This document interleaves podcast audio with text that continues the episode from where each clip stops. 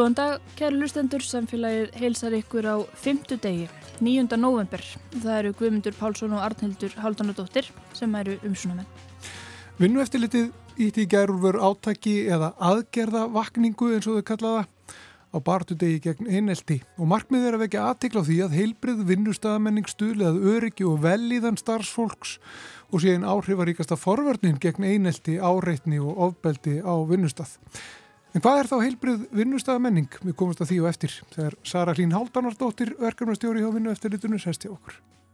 Og svo allt öðru á yðnaðarplani við gamla verksmiði og sævarhöfðabýr hópur fólks í hjólísum og húsbílum. Áður voru þau á tjálsvæðin í Laugardal en nú er þau þarna og verða í vetur þvert á lofvörð pólitikusa.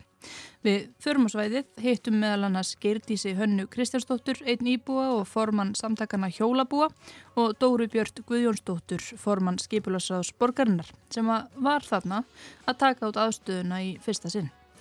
Við fáum líka neytindapistil á norðan Brynlítur Péturstóttir ætlar að ræða við okkur um kólefnismerkingar. En byrjum á vinnustafmenningu.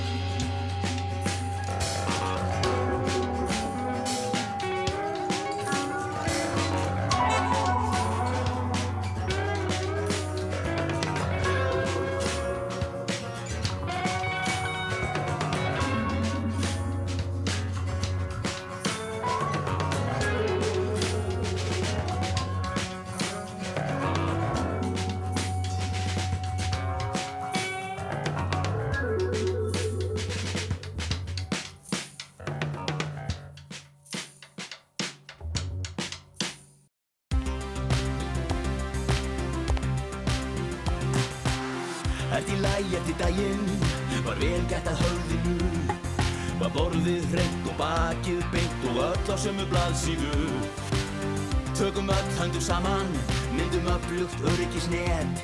Í hverju starfi þar frós, liðsinni og ljós komust áfram saman fettir er fett Dansum nú, dansa þú, öllu dansum öryggistans Höfuð herðar, hugur vesku, vinnustada menning með glans.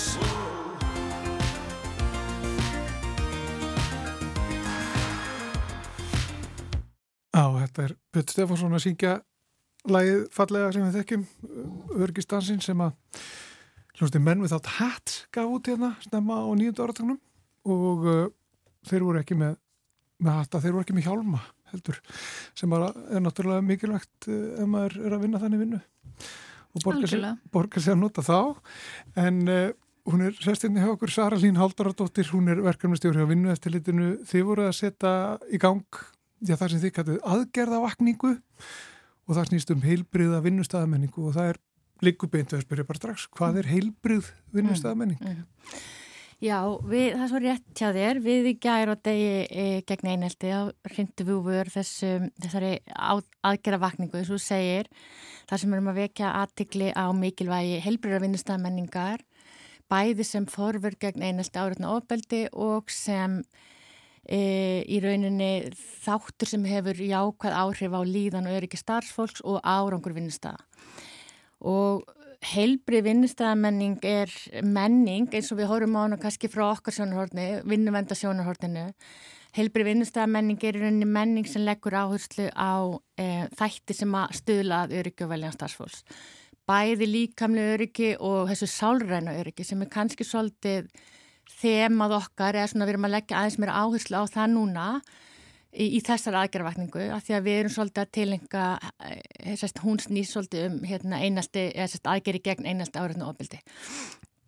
Heilbrið vinnustæðamenning er, er hérna, menning sem er alltaf að huga eins og ég segja öryggi og velja starfsfólks og gerir það með svona forvarnar miðaður í nálgun og heilbrið vinnustæðamenning, hún í rauninni felur það í sér að hún byggir, þessar margir þættur eitthvað sem hafa áhrif á, á heilbrið vinnustæðamenningu en við erum svona kannski fyrst og fremst að þurfum að tala um einelti og, og áreitni. Þá erum við svolítið að leggja áslá samskiptin.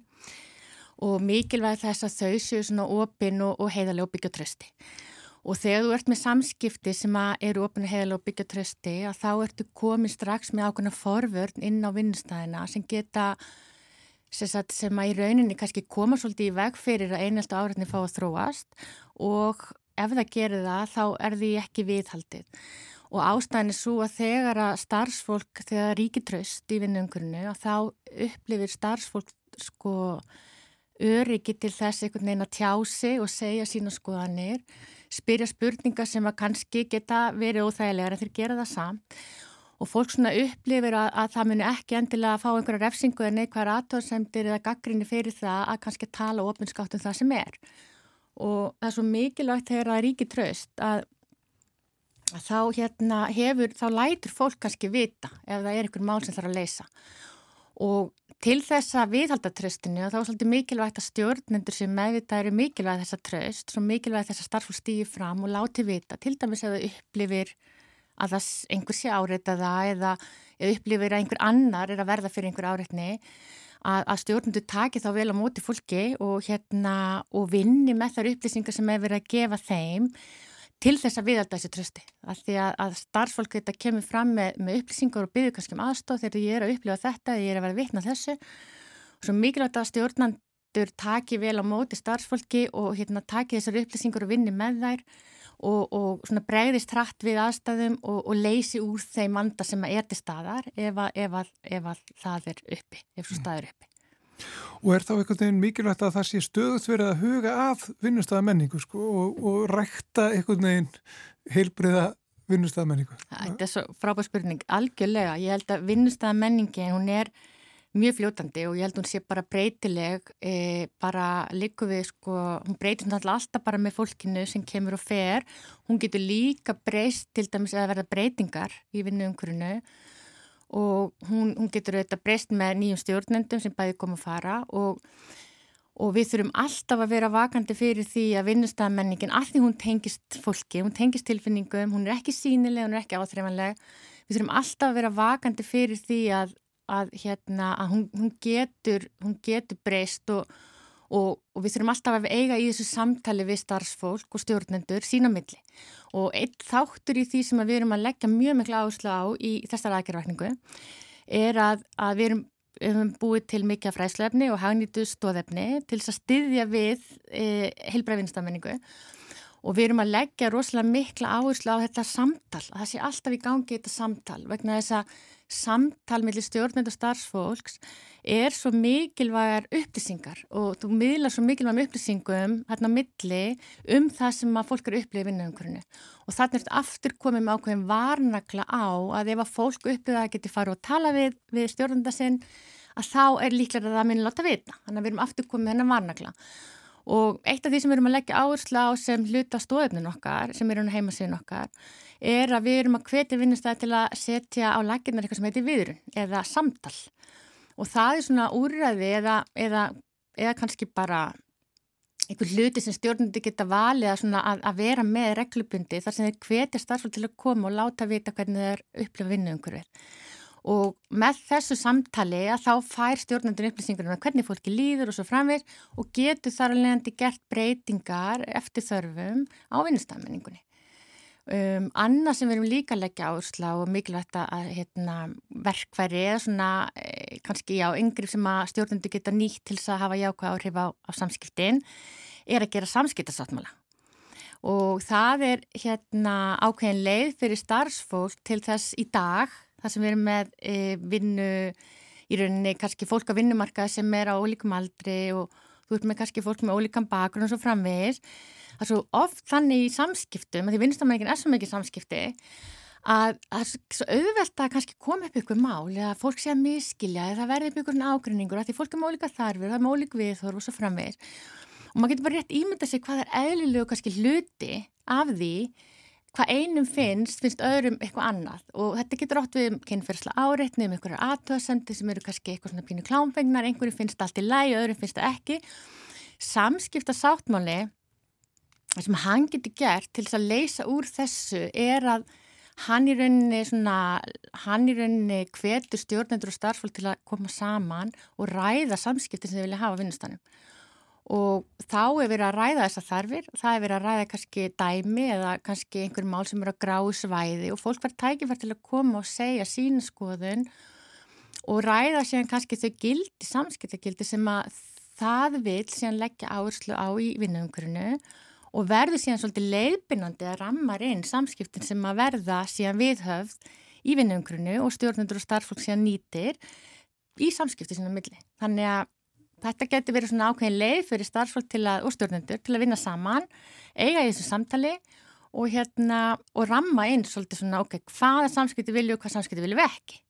Þetta er svona einlega sem við erum að, hérna, leggja til sem hluta okkar stóðefni á heimasíðun okkar. Já, og hefur þetta gefist vel, er fólk til dæmis sem að vil standa vörðum það að megi segja klúra brandara á vinnustad, er það tilbúið að taka þátt í þessu ferli og, og segja sína skoðun eða? Sko ég held að fyrir í svona vinnu til dæmis að gera samskiptasáttmál, þá held ég að það sé svo mikilvægt að að það sé ekki verið að gaggrýna fólk sem að kannski hefur ykkur aðra skoðanir eða vant ykkur, vant ykkur, ykkur öðru.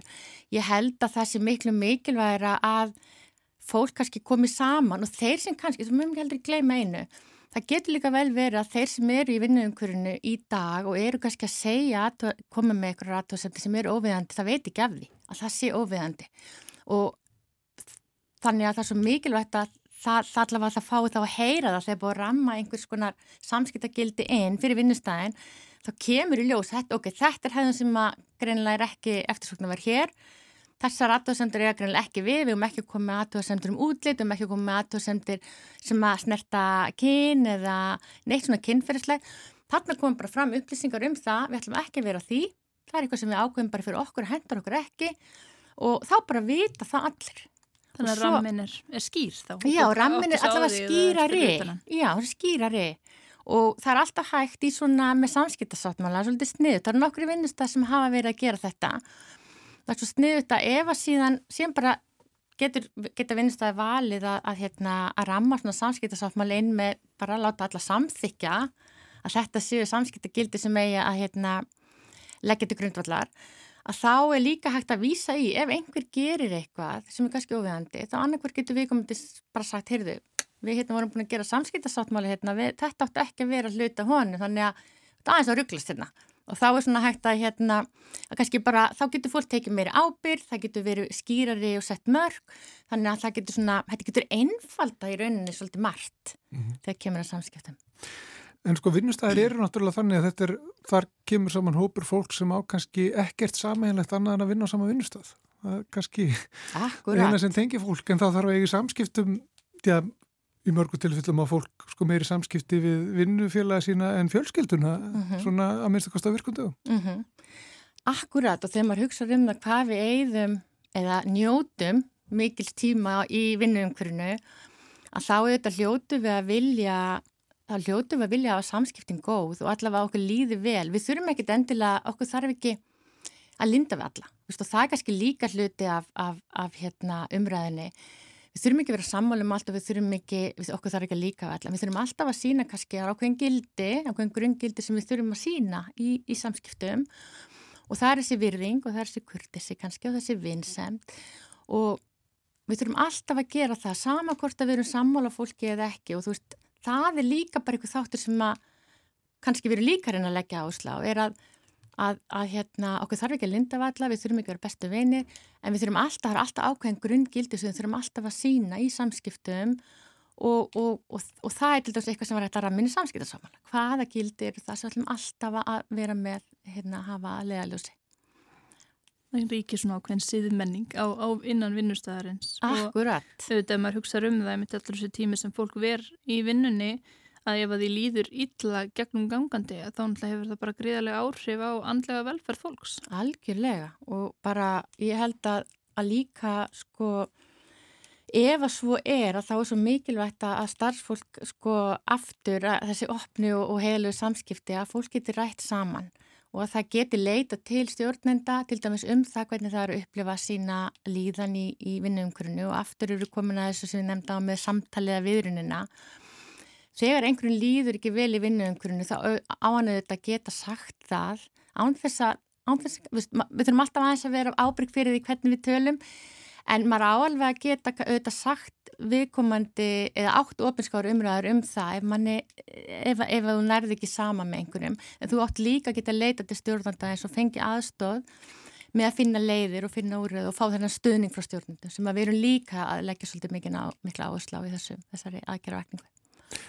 Er eitthvað sem að enginnir íslenska vinnustafmenningu? Er eitthvað sem að Þetta rettast. Þetta rettast, já. Eða er það svona slæma vinnustadir, einhver svona rauðflögg eins og maður segir, viðvörun og ljós? Með slæmu. Mm. Í, sko, við, erum, við segjum að, að þegar að vinnustafmenningin er óheilbrið að þá e, ríkir ekki tröst og aftur er við komið að þessu trösti vegna þess að það er bara, það er svona glú, eða svona límið fyrir sem að svona límir svolítið saman og gera það verkum að starfsfólk tjáu sig, þannig að Óheilbri vinnustafmenning er auðvitað vinnustafmenning sem, sem að leifir til dæmis, e, viðst, það er óskýrt skipila, það er óskýr ábyrð, hvað starffólk á að vera að gera í vinnunum til hvers að ætlast af því. Það, bara svona óskýr skipilag, getur valdið því að fólk upplifir streyti og langvarandi streyta því það er mjög óþægild að vera í vinnu þar sem þú veist ekki hvort að vera að gera. Og það er kannski, þú ert að jafnvel að rýfast um það við samstarfsmannisku hvort að þetta segur sem þú ert að vera að gera ykkur annar. Svona langvarandi streyta og svona óskýr skipulega til dæmis eitt þáttur í því að geta stöðlað einhelta orðna ofbildi og að því að þegar að fólk upplifir svona óskýr skipula sem að við segjum að sé luta óheilbrið vinnustamenningu að þá aukast líkur á því að fólk upplifi svona óþægilega tilfinninga, pyrring um, það upplifir að það sé ekki eitthvað tilheriki, það upplifir eins og það sé, veit ekki til hvers að ætlast og allt þetta. Það getur síðan valdið því að þú ferð að láta þína reyða og þinn pering bytna okkur um öðrum. Og svona getur skipula í raunin haft áhrif á samskiptin og síðan síðan aftur getur haft áhrif á einasta áreitni. Þannig að Það er alltaf ábyrg stjórnunda mikil. Já, þannig að þannig erum við aftur komin inn á sem þetta mikilvæga samdar þar sem að ef þú upplifir óskýra verka hérna, starfslýsingu eða, eða, eða ábyrðar um, hlutverk að þá áttu að geta fara og sagt, heyrðu, ég upplifið þetta, þetta er ekki nóg gott. Þetta líka hefur síðan áhrif á jafnmægi vinnu og engalíf sem að aftur getur valdið streyt og svo framvís. Þannig að mikilvægt að vera með þetta hérna, samtal Já. Á allt í gangi. Já, tala saman. tala saman, Já. akkurat. Skulum ljúka þessu svona. Uh, takk fyrir komuna, Sara Lín, Háldanadóttir, uh, eh, verkefnumstjóri á vinnu eftir litinu. Uh, og það er þetta fræðast um þetta á vefsíðin Já, auðvitað algjörlega og ég vil bara Já. endilega hvetja alla vinnustæði til að fara inn og síðan okkar vinnu eftirlitinu og, og, og skoða efnu okkar bæði myndbönd, fræðislu myndbönd sem við höfum látið þróa og fyrir okkur og hagnýtt stóðefni þar sem hættir að stiga skrefina, skrefin í átt að jákvæðara, jákvæðara vinnu umhverfi Takk fyrir komið Sara Skulum hlusta á Men Without Hats The Safety Dance.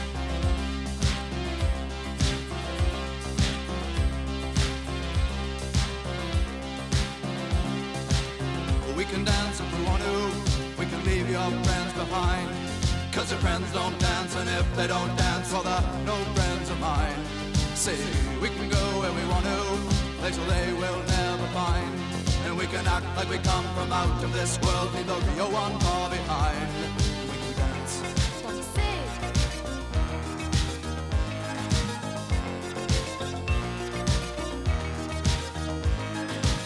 Say? We can go when we want to. Night is young and so am I.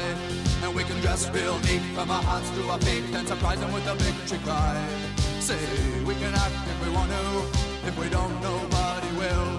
And you can act real rude and totally removed, and I can act like an imbecile. Say, we can dance, we can dance, everything's out of control. We can dance, we can dance, we're doing it from pole to pole. We can dance, we can dance, everybody look at your hands. We can dance, we can dance. Everybody's taking the chance. Dance. Oh, it's safe to dance. Yes, it's safe to dance.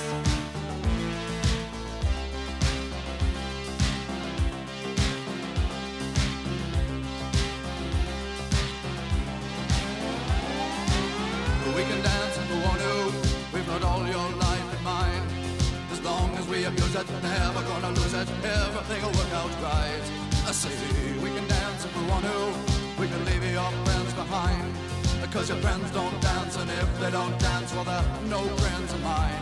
I see, we can dance, we can dance. Everything's out of control. But we can dance, we can dance. We're doing it from pole to pole. But we can dance, we can dance. Everybody look at your hands. But we can dance, we can dance everybody's taking a chance. Well, it's safe to dance. Yes, it's safe to dance.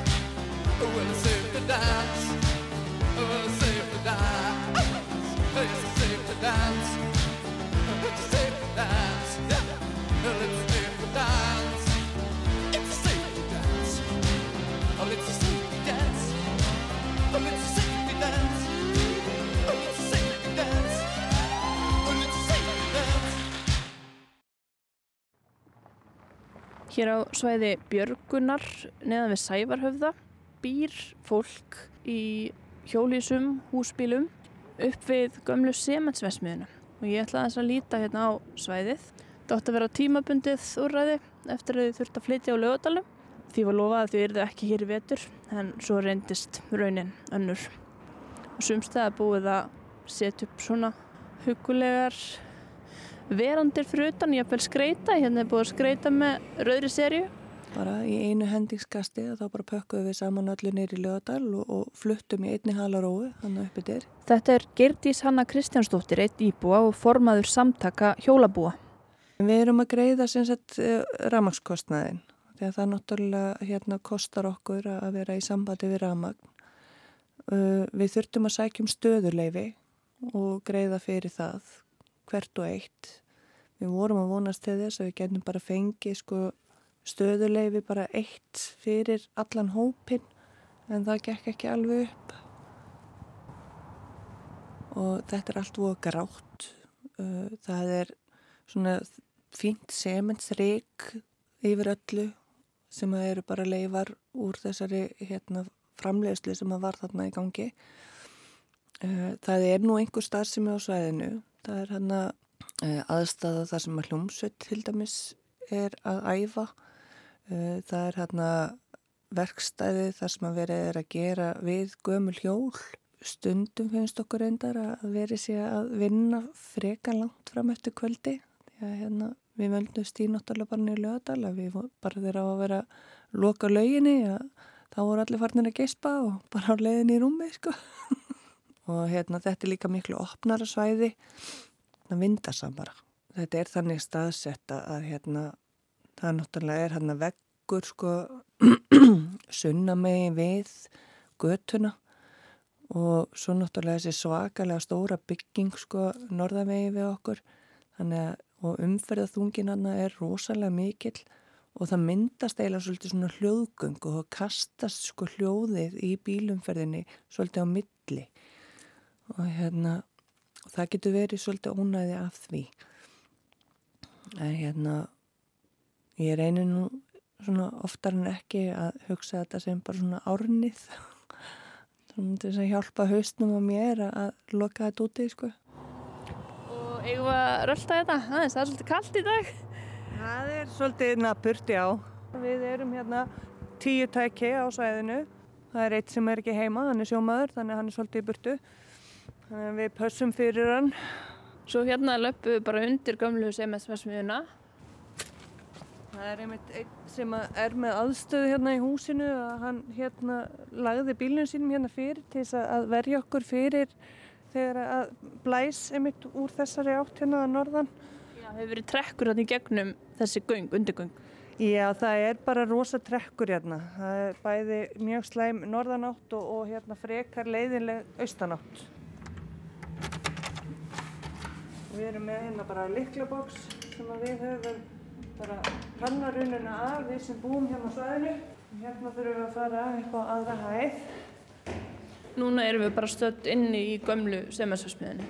Já, hluta af henni og það er hérna maður sem að hefur einmitt aðnóta af þessu svæði og hann hérna góðfúslega veitti okkur leifi til þess að nýta aðstæðuna. Og hér eru sem sagt snirtingarnar, tvö klósett, hér fengum við þvottavél og þurrkarar. Já. Hérna, Nú að gera hjá þeim. já, og hér eru hérna skápar og Þetta er svona einhver gömul, einhver gömul búningsaðstafa fyrir starfsfólk, sennilega. Og hér er sturtan Já. sem við getum ekki notað af því að hér er ekki teitt vatn. Það er bara kallt, já. Þannig að það er enginn að nota þessu sturtu. Nei, við förum annarkvort hérna bara í sundlöðunar eða til vina og vandamanna. Og svo er hérna salur sem að við höfum aðgangað og megum nýta. Þetta er bara búið að gera þetta svolítið hugulegt og svona nútímalegt. Já, og þegar við höfum verið að funda þá höfum við hérna komið hérna inn og tilt okkur. Sko, samtök hjólabúa eru sem sagt uh, hagsmunasamtök sem að, og við berjumst fyrir því að hérna það sé bara tekið til til og virt að við kjósum þetta búsettuform og það eru komnir alveg hérna bygglistar eftir því að komast í þetta úræði en við komum einhvern veginn allstaðar og lokum dyrum. Þannig að við erum að reyna um eitt að ná samtali við hérna borgina og fyrir mitt leiti að þá er þetta bara spurningu um mannrettindi að við fáum að kjósa það hvernig við viljum haga okkar lífi. Ég vil ekki búa í verköndu steiftu kassa sko þannig og það á við um lang flest okkar. Það auðvitað koma aðilar þar sem þetta er bara millibils ástand eins og líka bara húsnæðsmarkarinn er í dag að hérna þá er þetta hefði ég haldið bara rosalega flott laust að koma upp staðsetningu fyrir okkur og einmitt líka fyrir þá sem er að leita sér að þessu sem bráðabyrða úræði. Ég er búin að horfa á svona búsettuform, kannski ekki beint í hjólhísi eins og ég er núna, en svona smáhísi í alveg 15 ár. Þetta er búin að vera draumur hjá mér lengi að, að því að eins og hérna vinkona mín segir og nágrunukona að hérna þetta er bara eins og að vera í litlu einbilshúsi. Við erum alveg útaf fyrir okkur en erum samt samfélag. Við þekkjumst öll með nafni og það er bara ótrúlega gott hérna á mill okkar.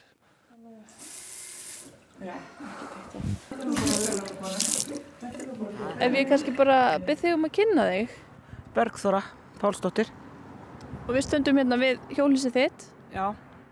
Hvaða áhrif hefur það haft á því að vera ekki með aðgengi að heitu vatni?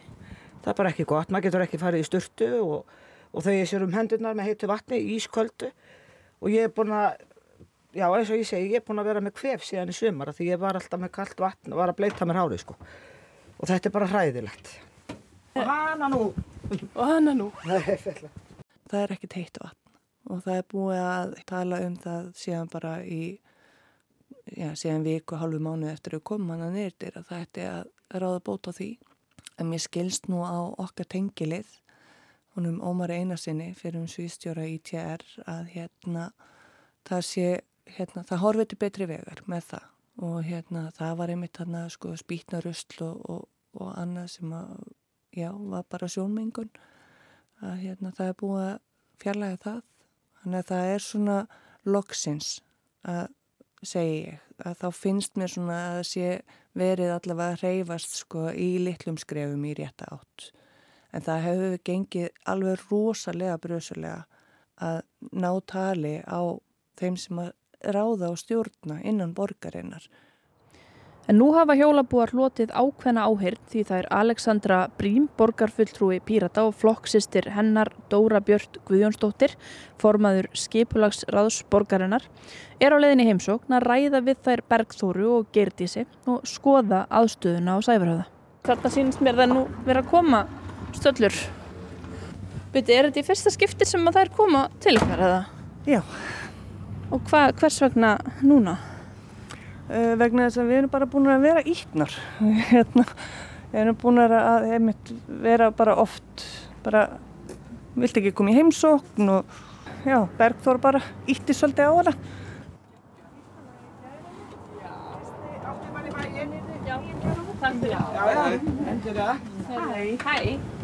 Það eru sérst, við erum komin inn til hennar Bergþóru núna og hér er bara, já, búið að byrja fram súkulað og keks og Alexandra Brím og, og Dóra Björn eru komnar hérna mm -hmm. sestar. Hæ, hæ. Hæ. Við ætlum að vera hérna fluga vekk í smá stund allavega og leifa þeim svo að spjalla saman í friði. Viljið þið kaffi? Nei takk. Já, kannski smá. Já, já, ég er alveg. Hvað sagði þú getur? Nei takk, Ó, aldrei slíkon það er ekki. Takktu kjálkan upp á gólfinu Ertu alveg, ertu alveg kaffi? Það Já, var eitthvað svo vel. ég, ég segi það ofta það með ekki verða of mikið blóð í kaffinu Já. og mikið blóð. Já, ég er nefnilega geng á kaffi. Það er já, svona. ég skil, já, já. Einmitt, ég er svona að reyna. Þegar búið er að ræða kaffivenjur best talið að ástandi svæðisins. En nú er búið að taka Og eitthvað svo er til. mitt þeirra staurarnir Og og sittir niður. Bara rusli, jú, Nei, bara- spýtna já, rusli þarna spýtna búið. í Já, vatnum. já. Og svo þeirra staurarnir meira, settir veit niður. Það er ekki, vissuð þið af því? Það var komið eitthvað aftur og... Jú, það var negla heldur fyrir glugga hérna eitthvað, og glerbrotum fljúa hérna niður, sko. Já, æ, það sko, glerin í þessu er svona þykk, sko. Já, já, já.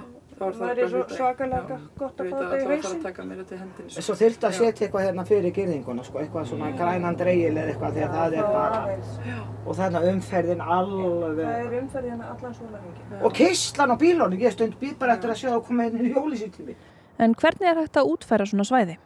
Ég var einmitt að skoða hérna svona hjólísasvæði, svona langtíma og þetta er út um allt í Danmörku og Noregi og, og hérna Bretlandsegjum og Finnlandi og ég meina Þetta er bara alls stað nema það er nú ekkert hlýra þar á veturnar heldur en hér sko. En þetta er náttúrulega kannski í er í rauninni þrjú mismunandi funksjón sko sem að eru annars vegar sko bara beinlinis túristastæði. Uh, svo svona, hvað séum við, langtíma búsetta uh, í, s- s- bara svona samt í góðu umhverfi og með, með, með allt til alls. Og svo líka svona þriði, þriði, þriðja sem verður svona einhvers konar neyðarúræði fyrir mjög fátækt fólk eða fólk í mjög slæmri stöðu og þessir þrý hlutir eiga til að fungera svolítið illa saman þannig að það er allan að annarkvæmt að skipleggja það vel eða setja það upp á mismunandi stöðum á mismunandi hátt sko þannig að það er svona En svo er líka kannski málið að maður vil, náttúrulega helst ekki að fólk Nei. velji þetta sem einhverja nei. Nei, nefnilega, þú veist, við fínt að fólk sem vill búa þessu gera það móti. en ef að það er orðið einhvers konar svona uh, neyðarúræði þá getur það mjög fljótt farið úr böndunum sko Sko það er örgulega búið að benda á einhverja 10-15 staðsetningar sem að kemur til greina uh, undir svona byggð. En uh, hérna, það er einhvern veginn að það er alltaf þetta computer says no og okkur þykir það mjög erfitt og okkur þykir það mjög leitt. Computer says no, er það þá svona ekki bakarinn hjá mér, við viljum ekki hafa þeir nálátt okkur eða, eða eitthvað annað? Já, það, ég held að það sé mest merknist þannig. Já, fólk horfir svolítið sko hotnuða á okkur og setur bara á okkur stimpil án þess að vita hver við erum. Svo getur maður fylgst með dúfunum, það er heilmikil dúfnabygð hérna í vestmiðu gluggunum gömlu. Já. Ég taldi þegar mest var í sumar 65 dúfur utan á húsinu og, og upp á húsinu.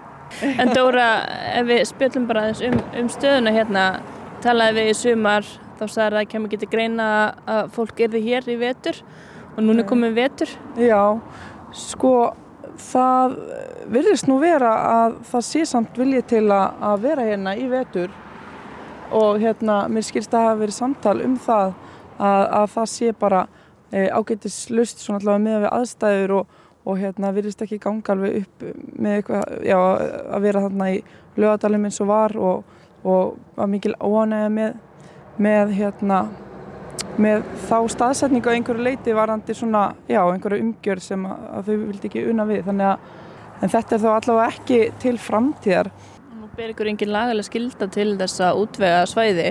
Hvernig horfir það við þér? Hvað finnst þér að þið eigið að gera er fyrir þennan hóp ef eitthvað? Sko, mér finnst að við höfum náttúrulega að bjóða upp á þetta sem að beður um og það er tjaldsvæði líka á veturna og það sé aðgengilegt fyrir þennan hóp sem að kýs að nota hérna bara hjólísi og, og svona hérna og bú, sem búsitform.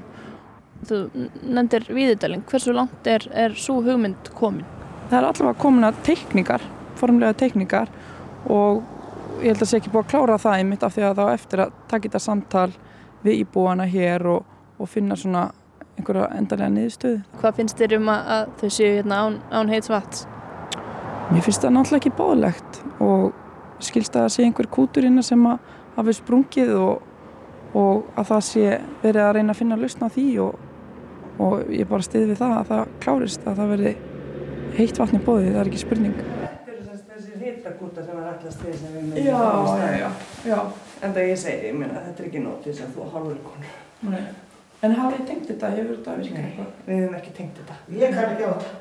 Nei, það ok. er engin verið til þess að Nei, ef það gætu virkað þá þessi kútar. Ég ekki nefnum bara til þess að þú sem höndunum. Er sko krafan um að þið fáið annað svæði og það séu alveg ótækt að þið verðið þarna í vetur, eru þið, eru þið svona búin að sætt ykkur við það að þið verðið þarna? Við nefnilega erum alveg búin að, búin að gefa upp alla vona því að þau finni eitthvað annað fyrir okkur, fyrir veturinn. Við verðum bara að vera jákvæð því að hérna að öðrum kosti að þá getum við alveg bara lagst undir sæng og leiði þar bara í vetur. En það er ekki alveg í bóði. Þó að ég sé ekki hérna í vinnu, ég syns þeir öryrki, að þá er ég að sinna fullt af sjálfbóðlega starfi og það er eiginlega bara svolítið heldur mig gangandi, sko þurfa ekki einmitt að vera þarna á þessu svæði allan daginn, alla daga. Hérna það liftir upp andanum. Já, þetta er miklu kvíði fyrir veturinn, sérstaklega vegna þess hvaða er vindasamt þarna. Hvernig líst hjólabúum á teikningar og hugmyndir um tjaldsvæði í Víðidal? Þetta er í raun og veru gert vegna þess að við erum búin að vera í það og við erum búin að vera, skilur að óska eftir því að það verði fundin laust en þetta er allt framkvæmt sko án samráðs við okkur. Þannig að hönnunin á svæðinu eða... Já, Já. öll teikning og öll hönnun. Ég reyndar var beðin um að setja niður hvað það væri sem að við helst myndum vilja láta hafa í huga við skipulagningu söðisins og ég sagt settist niður og, skrifaði lista í samstarfi við hina á svæðinu. Og það var tekið til, til þessara hérna atriða sem betur fyrir. Það var einmitt svona bara ok, þau eru að hlusta, þau eru að taka marka því að við höfum meiri þekking á því hvað, hvað þarf þegar að vera er að skipleika svona svæði af því að við búum svona. En sko, hver er þið þá, hvernig særu fyrir þér sko ykkar uh, kostnaðar þáttöku eða hversu mikið þið myndir þá greiða fyrir að vera, vera með stæðið þarna og þessa uppbyggingu myndir þið eiga þá hlut bara þeir sem værið á svæðinu í, í þessu þjónustuhúsi eða væri það alfarð á vegum borgarinnar? Uh, það er nefnilega það sem við vitum ekki vegna þess að eins og ég segi, við fáum ekki að koma að borðinu, við fáum ekki að vera með í samtalinu þannig að það er bara rosalega erfitt einmitt að sjá hvernig við gætum komið að þessu og ég hef, mitt, hef búin að tala um það og við öll saman á svæðinu að við værum alveg til í það til dæmis að sjá um reksturinn. Þá myndum við vera náttúrulega bara með félagsgjöld sem að myndu þá einmitt fara í það að reka svæðið sko. Já, já, bara svona eins og húsfélag? Eða? Eins og húsfélag, já. Og, hérna, og okkur er bara mjög and um það að hérna halda einmitt góðri ímynd út af við. Við erum ekki fólk í óreglu. Þó við séum ekki á hérna, virka vinnumarkaði að þá erum við samt sem áður ekki skilur liggjandi í kójufyllir í heima hjá okkur. Þannig að hérna... Það er kannski ímyndið sem fólk hefur og þessu fylgi eitthvað vesen. Já, nákvæmlega. Hávaði, sóðaskapur, eitthvað þess áttar. En það er bara það sem við erum búin að leggja upp með síðan að við hérna ákvaðum að hérna koma á þessum samtökum. Hvena verður hjólísa og húsbílabíði í Reykjavík svona raunin? Sko þetta tjálstæðið við þetta ætti allavega vonandi að vera tilbúið bara núni í vor síðasta leið myndi ég telja að það þurfa að vera allavega tilbúið þá. Er þetta val fyrir alla? Getur búið þarna fólk með börn eða er þetta þrengri hópur sem að gæti búið svona svo vel sé? Hvernig sér þetta fyrir þér svona virka þannig að þetta sé rauninni já, val fólk sem ekki eitthvað sem fólk neyðist til þess að sætta sig við kannski gegn vilja sínum út af ástandinu á, á leigumarkaðinu? Nú hef ég verið að fylgjast svolítið með sko svona tiny house menningu erlendis og þar er einmitt fólk með börn sem að býr svo leiðis vegna þess að það kýs svona mínimalískan lífstíl. Og ég efast ekkert um það að það er til þannig hópur hér á Íslandi rétt eins og alls þar annars þar en þess að við erum alls konar. Og mér finnst einmitt eins og þetta búið að vera að þá er í raun og veri verið að útiloka einn hóp af þessum alls konar af því að við viljum ekki passa í kassan en ég hef bara aldrei passað í kassa ég hef brotið á alla af mér þannig að hérna, ég gerst ekkit upp Nei, og Steinn Stepan, þú, hún heitlar þig ekkert. Nei, hún gerir það ekki.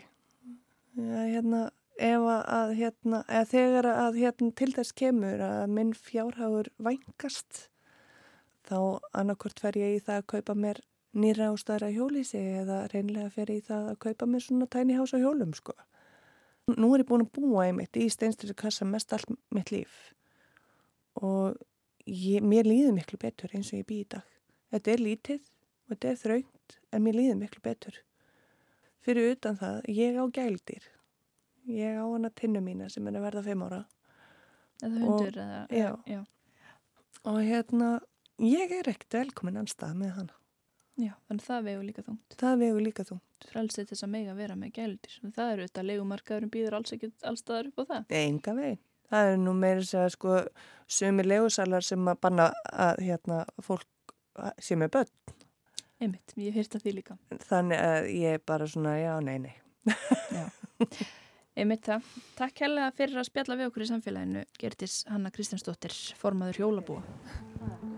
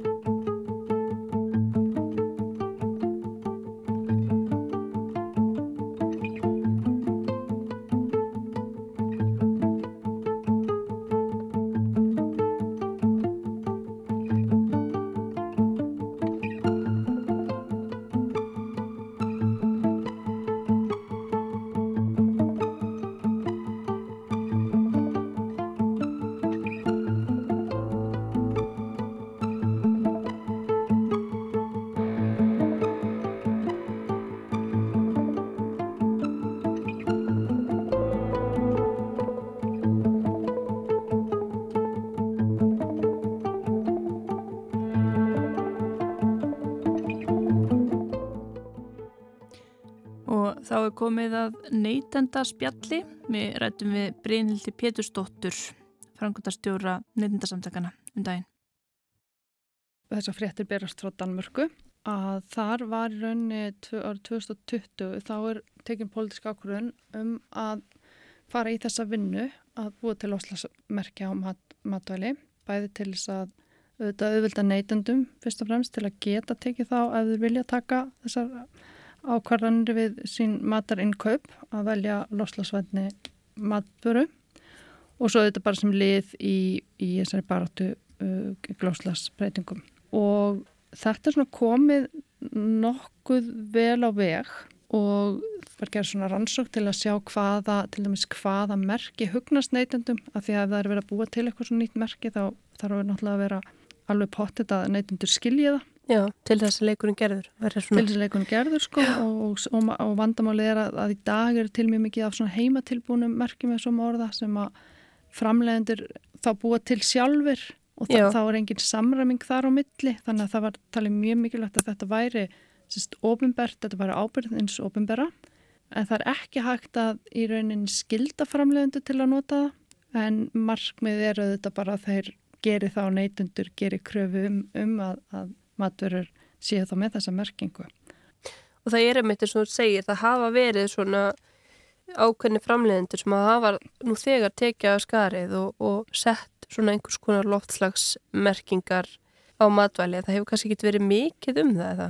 Nei, maður mann eftir svona súpum frá knorr það sem að stundum stendur að það sé lítil, lítil loftslags áhrif og settir einhvers svona stimpill og eins og þú veist þeir af einhvern veginn bætt framlýsluferðlana þannig að það er minn, minni lósun eða, eða umhverfisvætni vara og þetta er kannski hluti bara af þessu grænþvoti sem er allt um líkjandum og þess vegna er ekkert farið út í, út í svona laga nema það sé eins vandað og hægt er og, og til dæmis þessi rannsók síndi hvers konar tákn eða merkingar neytindur eru svona hrifnastir af og það niðurstaðan var að nota bæði litakóða sem er þá með fimm liti frá dokkgrænu í rauninni yfir í, í raut og svo bókstafi ABCD E líka. Já, svona bara eins og er gert þá í orkunýtni Já. merkingum og ráftækjum. Já, þetta eru neytundu þekkja þessar litamerkingar og Nutri-skor sem er í rauninni evróska tilraunin til að búa til svona einhvers konar næringagildis upplýsingar á matvæli sem að neytundur skilja að það er byggja líka á fimm litum. Þannig að þetta er alveg þekkt og það var líka verið að rannsaka hvort fólk uh, hefði rauninni áhuga á þessu, var þetta eitthvað sem fólk kallar eftir og hvort að það yfir höfuð hefði þekkingu á loslas áhrifum tiltekina matvæla tegunda. Þannig að það var gerð svona smá tilrönd hvað það var þar og fólk var látið svara listi af nokkrum hérna, fæðutegundum, nöyt og reykturlagsur, ostur, livrakefa, kjúklingabringa, hummus, bananar og gullrót og svo átti fólk að raða þessu upp í réttri röð og það voru mjög fá, fáir sem að hérna, gátu, gátu það þó að flestir hafi gerð sig grein fyrir að naut, nautakjöti væri með mestu loslasáhrifin og gulrutin minnstu. Já, stendur hérna aðeins tveimur af 1144 þáttakandum tókst að raða tegundunum rétt upp. Hefði þú heldur að geta raða þessu rétt upp eftir áhrifin? Það hefur öruglega verið eitthvað flækustíðan eins og með banan og hummus og það dótt sko. Það, ég hef ekkert alveg verið vissum hvort að hvar hummusin kemið þarna inn til dæmis. Það er líka eins og kemur fram að hérna það getur verið mjög flókið að rekna út kólöfnisspor ma samsettara matvöru. Þú veist, þetta ekki bara með bananan eða nautikjötið, heldur e e samsetta vöru sem er náttúrulega bara stór hluti af þeim matvörun sem við köpum í dag er einhver, einhver samsetning og þá er þið með ákveða að búa til gagnagrunn og það byrja að vinna því með minnir að sé háskólanum í Orhus að þá geti framlegendur leita í þennan gagnagrunn og þar eru upplýsingar um svona tildekinn mat, eins og olju, olju, netur, ákatt og þetta er í raunin svolítið spennandi vegna þess að sko, það sem þeir eru líka að horfa á er að á einhverju tímpunktu mun Európa-sambandi taka upp loslasmerki og það er þegar farið að skoða þetta í öðrum löndum eins og í Fraklandi og Hollandi. Þannig að danirnir eru að þegar í, í, í vinslu þeirri vinnu sem hefur farið fram þá hafa þeir verið að skoða líka hvað verið að gera annar staðar vegna þess að þegar að því kemur og það verður eitt loslasmerki vonandi í, í Európa-sambandinu að þá séu þeir að nota, séu verið að nota sömu hvað við segja aðferðafræði.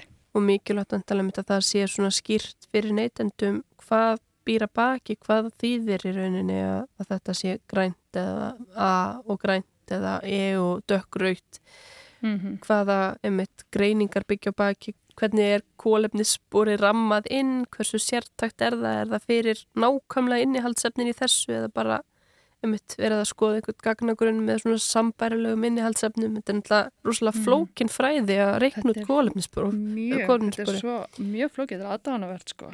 Og það var líka spurningin á að segjum bara, segjum nautakjött sem dæmi, þú veist á, á bara sama gilda um allt nautakjött eða e, á að vera innan hverjar fæðu tegundar Get, geti eitthvað nautakjött verið kannski raukt en annað appisinu gullt Já, eða það gæti verið bara, bara fyrir nautakjöld og þá væri kannski eitthvert nautakjöld sem að fengi grænt en væri það þá ekki villandi að því að þetta er allt nautakjöld hálósun að fæða? Einmitt, einmitt. Þannig það var eiginlega fallið frá því og, og, og, og þá alltaf með við 100 gram en þá ert ekki með eitthvað grænt. Þú getur ekki keift í rauninu nautakjöld sem er með grænum lit. Já, þannig að... Það er bara á gullrótunni og síðan er kannski einhver gullrót aðeins verið en einhver önnur gullrót einhver flutt lengra að en það er ekki verið að eldast við það. Og svo hefur mitt hefur maður heyrst um... Óstöðan. Já, það eru svo þessi fluttningsáhrif líka þess að það verður að flytja mitt fæðu sem að er kannski ekki með hátt framleiðstu spór en svo er hún flutt og hún er voðalega létt og flutt með flugi mm -hmm. bláberinn eða aspasinn eitthvað svona sko. Það kemur endur alltaf óvart í, ég held því að ég fann mér rétt mál að sko fluttningurinn vegur yfirlega svo lítið. Mér finnst þetta alltaf eitthvað ræðilegt að maður að kaupa eitthvað í heldarmyndinni tekinir saman áhrif af loslasafrið einnar vöru. Þá er það svo oft eitthvað allt annað heldur en flýið, flýið til dæmis eða skipaflutningurinn. Og þó að skipti máli. En hérna Já, ég held að skipti aðala máli þegar að varan er fyrir mér og svona látt kólunispor og svo eru flutt með verstu loslaslega séð verstu Já, leiðinni sem er fluga þá og langa leiðir þá farið að skipta máli nefnitt Eh, oftast held ég að það sé ofmetið sko, fólk einhvern veginn einblýnir kannski ofmikið á flutningin En það er sko, það er náttúrulega ástæða fyrir að það vera að skoða þetta, þú veist, það er eh, það, og gleymist oft að matvæla framlýsla, hún er rosa stór hluti af þessum áhrifum, hefur áhrif á loslasbreytingar að tala um að hvað, það sem matvælakerfi heimsins jábært fyrir hátt allt að 40% aðri losun gróðurslóftegunda.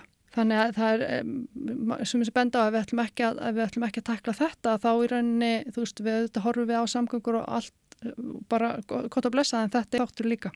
En hvað, svona, hvað væntingar hafa þau í Danmörku og vantilega þá Europasambandinu á að taka þetta upp á, á stærra svæði til þess að þetta, til áhrifana sem þetta á að hafa á neytendur?